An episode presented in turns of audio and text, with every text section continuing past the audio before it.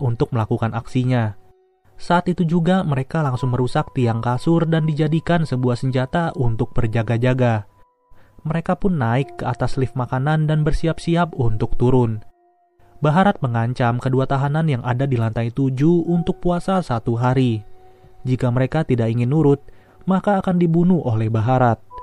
Baharat dan Goreng berencana setidaknya makanan ini bisa tetap utuh saat sampai di lantai 51. Setiap menuruni lantai, Goreng dan Baharat melakukan perilaku yang sama ketika mereka melewati lantai tersebut. Sampai pada akhirnya, Baharat tiba di sebuah lantai yang ditempati oleh pria bijak. Pria bernama Berambang ini bukanlah ayah dari Baharat.